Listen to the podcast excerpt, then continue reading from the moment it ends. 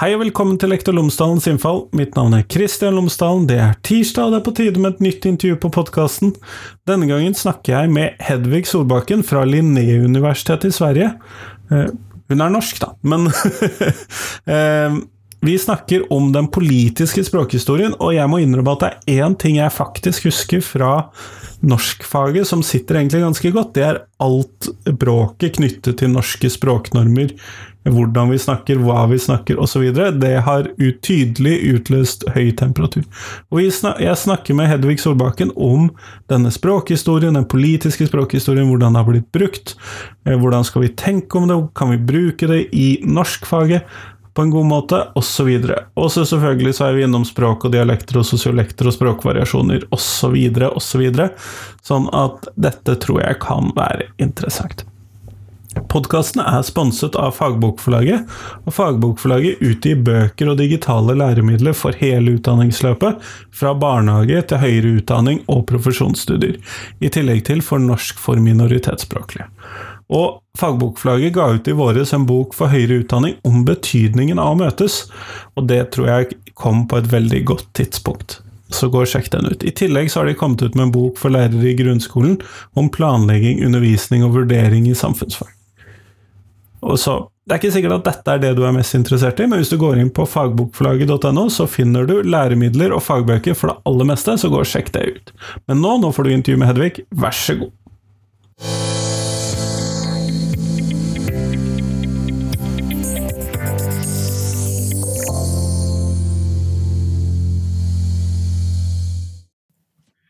Hedvig Solbakken, tusen takk for at du har tatt deg tid til meg i dag. Takk for at jeg fikk eh, være med. Før vi kommer sånn helt i gang med selve temaet vi skal snakke om i dag, så hadde jeg håpet at du kunne fortelle lytterne mine tre ting om deg, sånn at de kan få bli litt bedre kjent med deg. Ja. Um, jeg er en salsadansende småbarnsmor uh, med mange baller i lufta, sånn kort oppsummert. Det tror jeg kan være en veldig grei oppsummering. Du har vært med i en antologi, og der så har du skrevet om den politiske språkhistoriens litterære uttrykk. Det er bare for å ta tittelen din, og jeg syns den eh, var god i den sammenhengen. Men hva mener vi med politisk språkhistorie? Ja, først si at det er en litt sånn usexy tittel, eh, men det er jo det det handler om. Altså språk er usexy, politikk. Forklarende.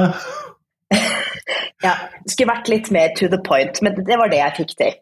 Eh, nei, men altså, Språk er jo politikk. altså Når vi ser på bare hele diskusjonen med bokmål og nynorsk, er jo veldig veldig politisk lada for oss alle. Men, men, på norsk så har vi jo gjerne en sånn viss forventning om eh, hvordan folk med ulik politisk tilknytning uttrykker seg. Altså Tidligere, i hvert fall sånn på 70-tallet, sånn, så hadde vi en forventning om at kommunister skulle si 'kommunist' og 'kamerat' og se, jobbe på gulvet og, eh, og sånn, mens altså, høyrefolk snakker litt penere og jeg har hengt opp jakken min i garderoben og skal snakke med praktikanten i haven. Eh, og alt det her er jo historisk fundert, eh, altså, og, og det fins uttrykk av det i litteraturen. Så, så, jeg hadde lyst til å skrive en tekst om det.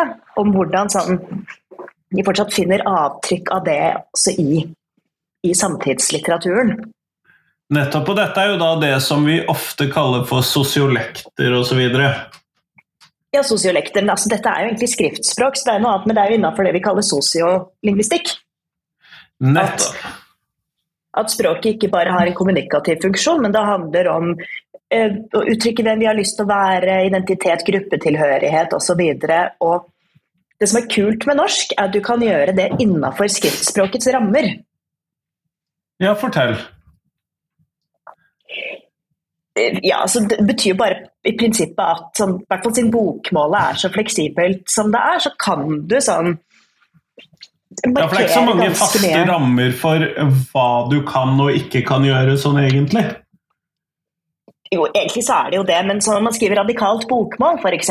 Folk har en sånn idé om at det er dialekt, men det er det faktisk ikke. Altså, du kan skrive veit og kan og blei og huska og eh, Eksemplene dine er jo eh, gode, så, så, du trenger ikke flere eksempler der. Og jeg må jo innrømme at jeg har jo tidvis et litt radikalt bokmål eh, til min fars store frustrasjon. Syns at det er udannet? Ja. Ja, og det er politisk, ikke sant. Hvorfor syns din far det er frustrerende at du skriver radikalt bokmål? Altså sånn, hvorfor, hvorfor blir din far provosert av dine morfologiske valg? Det er politikk, og det er veldig interessant.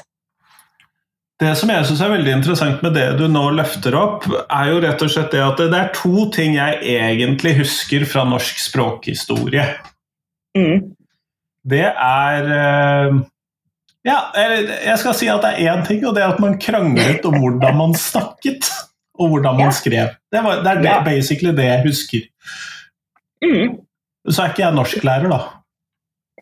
Nei, men Det er et veldig interessant utgangspunkt. Da, og hvorfor, man, hvorfor blir man frustrert og provosert over det? Altså, jeg kan jo skjønne det, sånn er det jo med, litt med den nynorske debatten nå, fordi folk liker ikke å bli fortalt hvordan de skal skrive. Men det som er enda mer interessant, er jo da at folk faktisk også da blir provosert over hvordan andre skriver. Og sånn skjer det i dag. Eh, også for noen år tilbake så skrev jeg en kronikk om dubbing av skandinaviske språk. At vi selvfølgelig ikke burde dubbe svensk barne-TV, f.eks. Og så ser jeg kommentarfeltet, og så er det som skriver sånn Det som bekymrer meg mest, er at hun skriver 'dubba'. ja, dubbet var det store problemet. Eller dubba ja. var det Ja, skulle stått dubbet.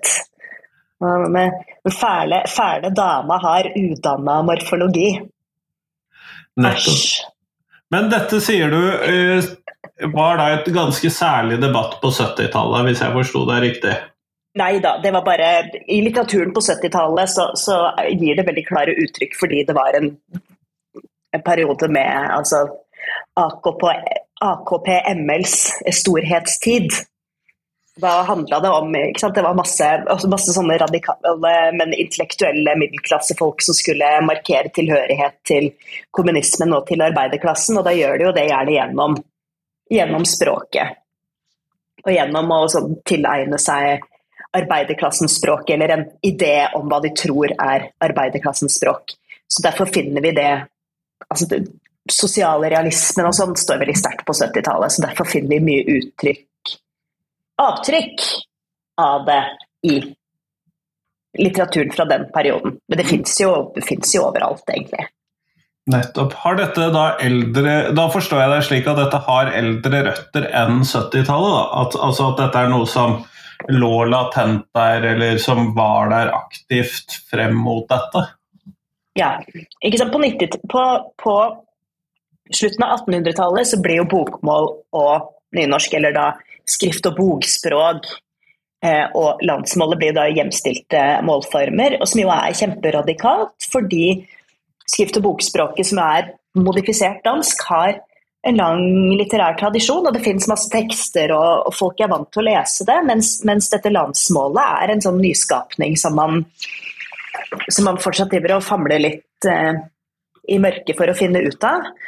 Og så er jo da 1900-tallet en tid for språklig forhandling, og hvor språklig, men hvor den, disse språklige forhandlingene ligger helt framme i i, i politikken.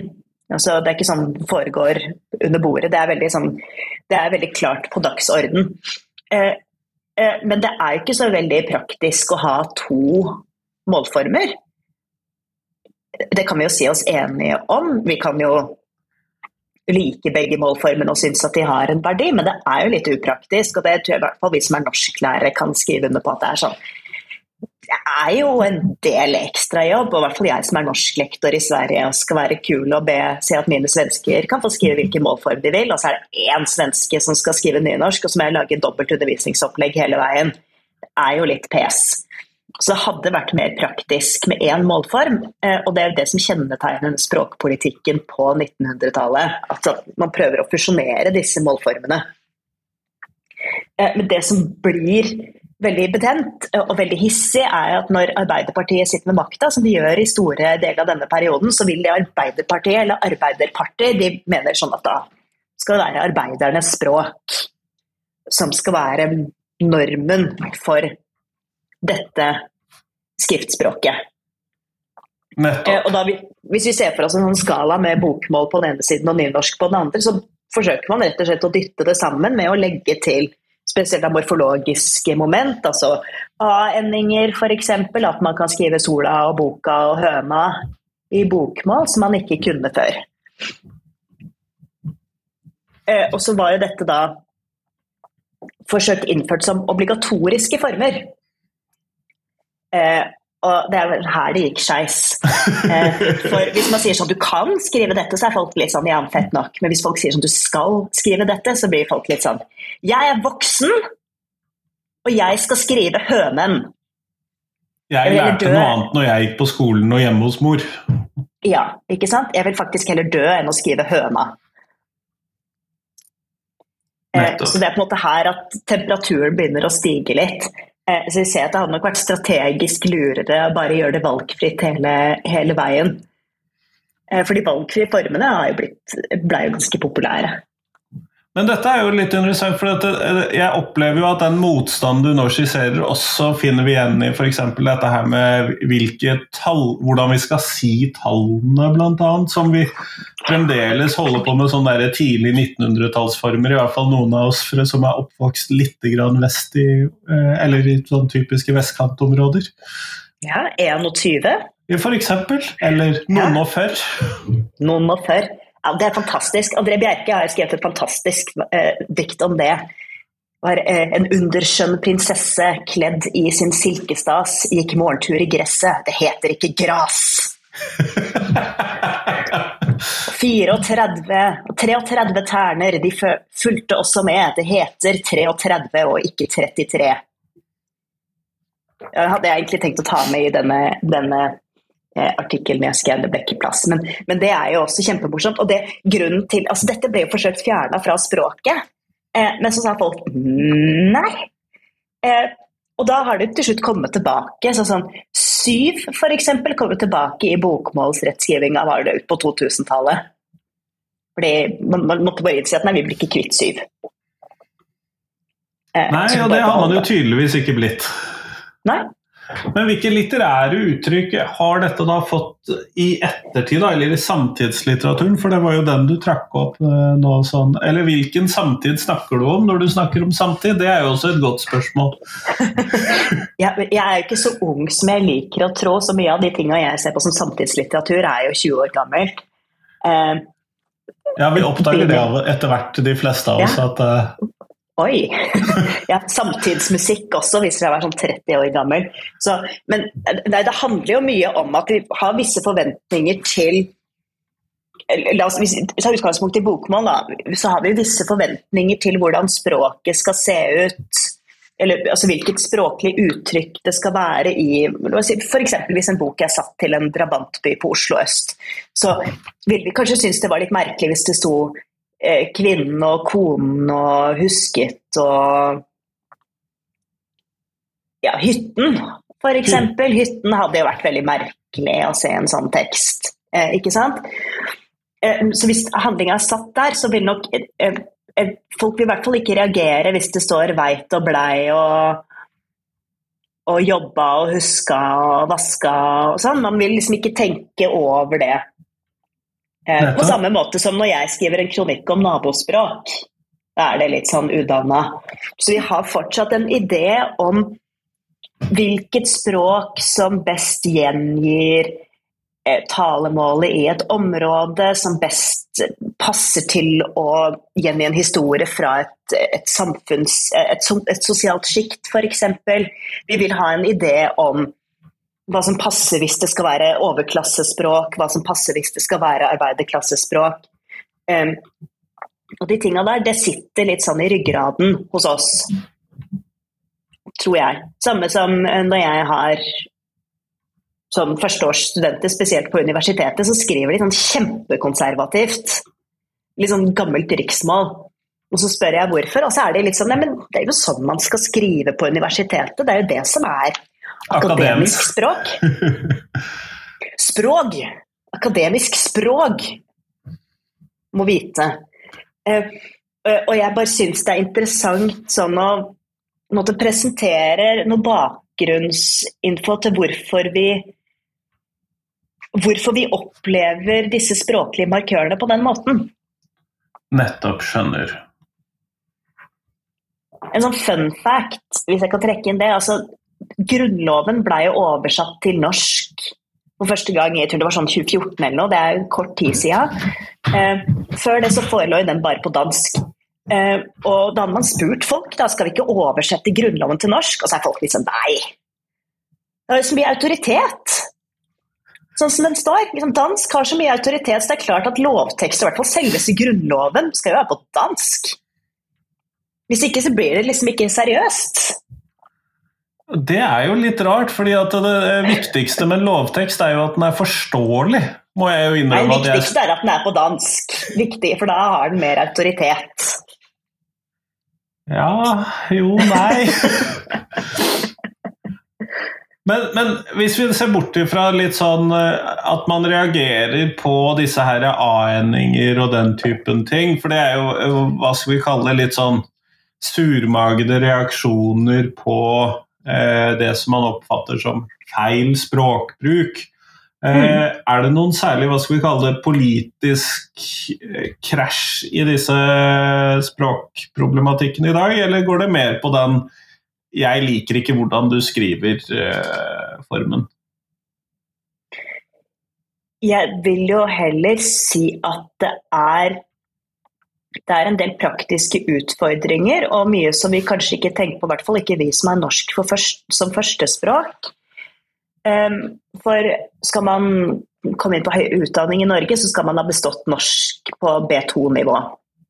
Ja. De fleste som gjør det, har jo da lest lærebøker eh, på norsk eh, og bestått en prøve, og så skal de begynne på universitetet, og så skal de skrive en tekst, og så slår de opp et verb i ordboka, og så ser de å oh shit, pommes frites, det kan bøyes på fire måter. Uh, og så spør de meg men hvordan veit jeg hva som er hva. da? Så De får en kommentar fra meg og sier at dette er en veldig konservativ form, og nå har du en radikal form der, så nå bør du på en måte velge noe som passer litt sammen. Det er litt rart å skrive veit og husket. Du bør skrive veit og huska eller vet og husket. Det er på en måte ting som historisk og stilistisk passer best sammen. Men det er jo ikke mulig for folk å vite det. Eh, for det står jo ikke noe sted i ordbøkene radikal form, moderat form, konservativ form. Eh, og det, og det, gjelder jo ikke bare folk som har norsk som andrespråk heller. Det kommer jo litt an på hvor mye du har lest og hvor mye man er vant til å Altså hvordan man er vant til å tolke de ulike språklige uttrykka. Men, men jeg tror jo at sånn den valgfriheten, spesielt i bokmålet, gjør det jo veldig vanskelig å lære seg språket. Ja, Kunne det være en løsning at det rett og slett sto i ordboka når man først insisterer på å ha alle disse valgfrie formene, altså at det var en sånn benevning der, eller tror du at det ville blitt oppfattet som eh, litt sånn negativt også? Jeg veit ikke, det er jo på en måte å stemple å stemple målformer, da, og noen vil kanskje si at nei, sånn, det er jo ikke en radikal form, det har vi alltid brukt hos oss. Eh, men, men jeg syns jo det er en altså, det her er jo egentlig en forskningsdisiplin som heter stilistikk, eller litterær stilistikk. Som jo handler om måte, altså noen språklige markører brukt i en litterær tekst, eh, som kan hjelpe oss med å forstå både språklige og litterære tekster bedre. Eh, og det er bare ikke en greie i Norge. Det driver vi liksom ikke med. I Sverige så er det kjempepopulært, men har de masse valgfrihet i skriftlig svensk? Nei, det har de ikke. Hvordan eh, gjør de det da? Da er det jo bare på litt sånn basic ting som vi gjør i norskfaget. At snakker om sånn ja, dette er en substantiv tung tekst, og dette er en verbtung tekst. og her er det masse beskrivelser, og her er det lite beskrivelser, og dette er en pålitelig forteller, og dette er en ironisk forteller, og, og andre dimensjoner med språket. Men, men, jeg mener jo at når vi har den valgfriheten vi har i skriftspråket, så, så er det mye mer interessant å gjøre i en norsk kontekst, også fordi at det er så mye som er mulig innafor skriftspråkets rammer. Altså for å få uttrykt mange av de tinga som vi kan uttrykke gjennom bruk av veldig radikalt bokmål, f.eks., så må svenskene skrive på dialekt. Eh, det trenger ikke vi. Da, jeg, jeg, tror jeg skjønner det litt mer. Vi har et ganske uutnyttet potensial da, i, der, eh, i, det at vi har alle disse målformene i tillegg. Eller eh, alternative formene av, innenfor målformene. Ja, det er akkurat det. Det er det som er så kult med å være norsklektor i Sverige. fordi mine svensker vil skrive merkelig norsk. Det er jo ikke mange av dem som har lyst til å snakke sånn bokmålsnært østnorsk sånn som vi gjør, og skrive moderat bokmål. De er sånn jeg vil snakke trøndersk eh, og skrive sånn kjemperadikalt bokmål. Eller romsdalsdialekt og den nynorskformen som ligner mest på romsdalsdialekt. Altså sånn, de er litt mer sånn De syns at det er spennende, da, og de har lyst til å utnytte det potensialet som ligger der. Mens jeg skal ikke snakke stygt om norske elever eller studenter, uh, because I love you all, uh, men det er litt sånn kjedelig når folk kommer og snakker sånn nydelig vestlandsdialekt, og så er det sånn jeg, jeg skjønner ikke nynorsk, jeg. Og så skriver de sånn kjempekonservativt bokmål som ikke ligner på talespråket i det hele tatt, og som bare blir litt sånn stivt og unaturlig. Og så er man litt sånn ja, men Tror du hadde skrevet så mye bedre hvis du hadde kunnet skrive litt mer sånn som du snakker? Eh, og så er det klart at jeg skjønner at for noen så det kan få en del sånn politiske implikasjoner, fordi vi er vant til altså Man kan fort tro at noen som skriver radikalt bokmål, er politisk radikale. Eh, men, men, det tror jeg også handler litt om at det har blitt så uvanlig å skrive det. At det på en måte bare er, det er radiser og språkforskere igjen som, eh, som skriver radikalt bokmål. Ja, For min del så fremstår det også for meg litt unaturlig å skrive det, men jeg eh, snakker ofte noe som ligger litt sånn i den derre litt sånn eh, Litt a-endinger når jeg prater. Ganske mye a-endinger når jeg prater. Jeg syns du snakker veldig pent, jeg, ja, Kristian. Begynner å bli voksen, eh, som min far ville sagt. Ja. Ja. Uh, Podkasten er noe annet enn han som prater ellers. Ja, ikke sant. Det, vi, vi, har jo ulike personer. Jeg også prøver å finne en sånn eh, Prøver å snakke mer sånn moderat når jeg underviser, for at de stakkars studentene mine ikke skal bli forvirra. Eller men, forvirret. Men, ja, men kunne vi da sett for oss at vi da i større grad var bevisst disse formene og brukte de i ulike sammenhenger eh, for å fremheve poenger i større grad enn vi gjør i dag? Eh, eller ville det være et for stort sprik disse rollene, mellom disse ulike rollene våre? Eller, ja, jeg er litt usikker på hvor jeg vil hen med det. Ja, jeg tror folk flest egentlig gjør det, men jeg tror bare at de gjerne for det meste skriver på dialekt i stedet for å eksperimentere med bokmåls- og nynorskformer.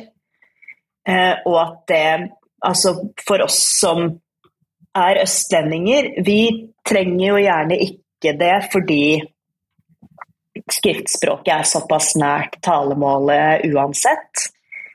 Eh, og det har de også gjort undersøkelser på at østlendinger skriver ikke så mye på dialekt, men alle andre gjør det. Altså Til og med min far, som snart blir 75, skriver på dialekt.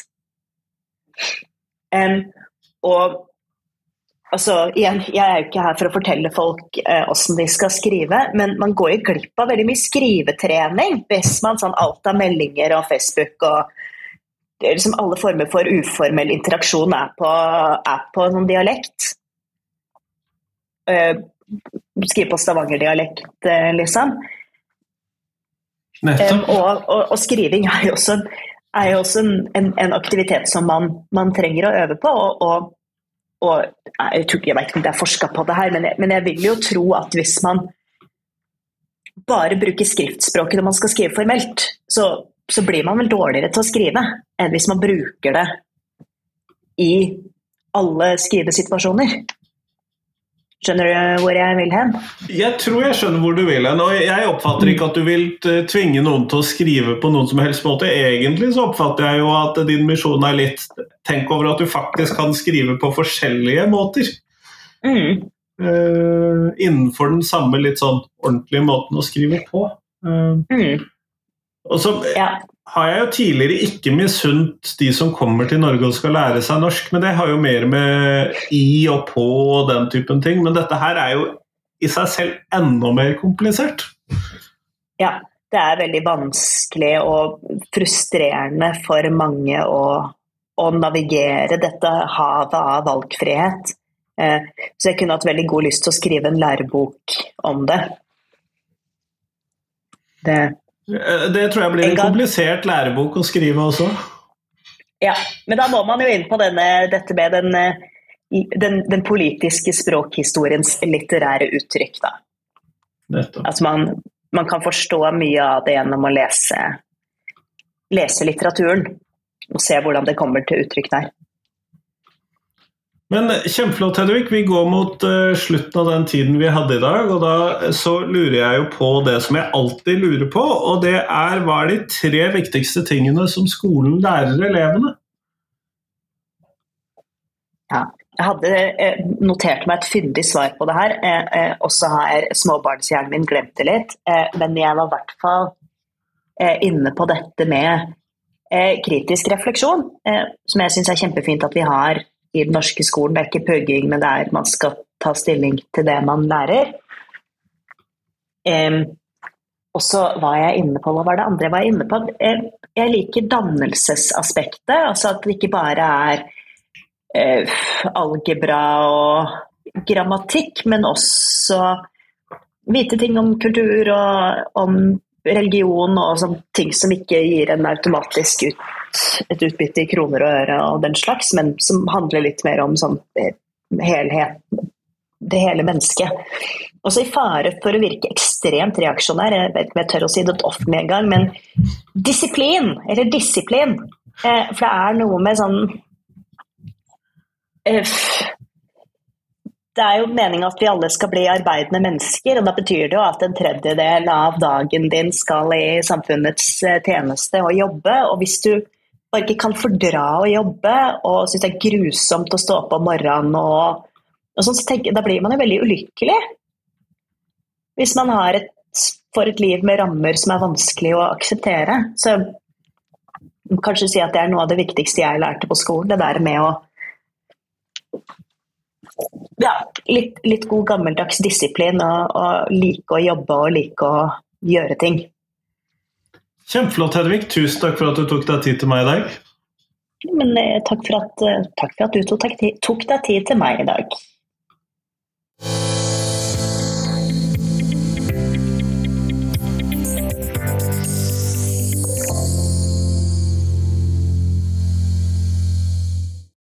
Tusen takk til Hedvig, og tusen takk til deg som hørte på.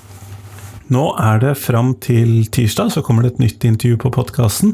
Og da er tanken at det er Sølvi Lillejord fra Universitetet i Bergen jeg skal snakke med om fremtidens lærerutdanning.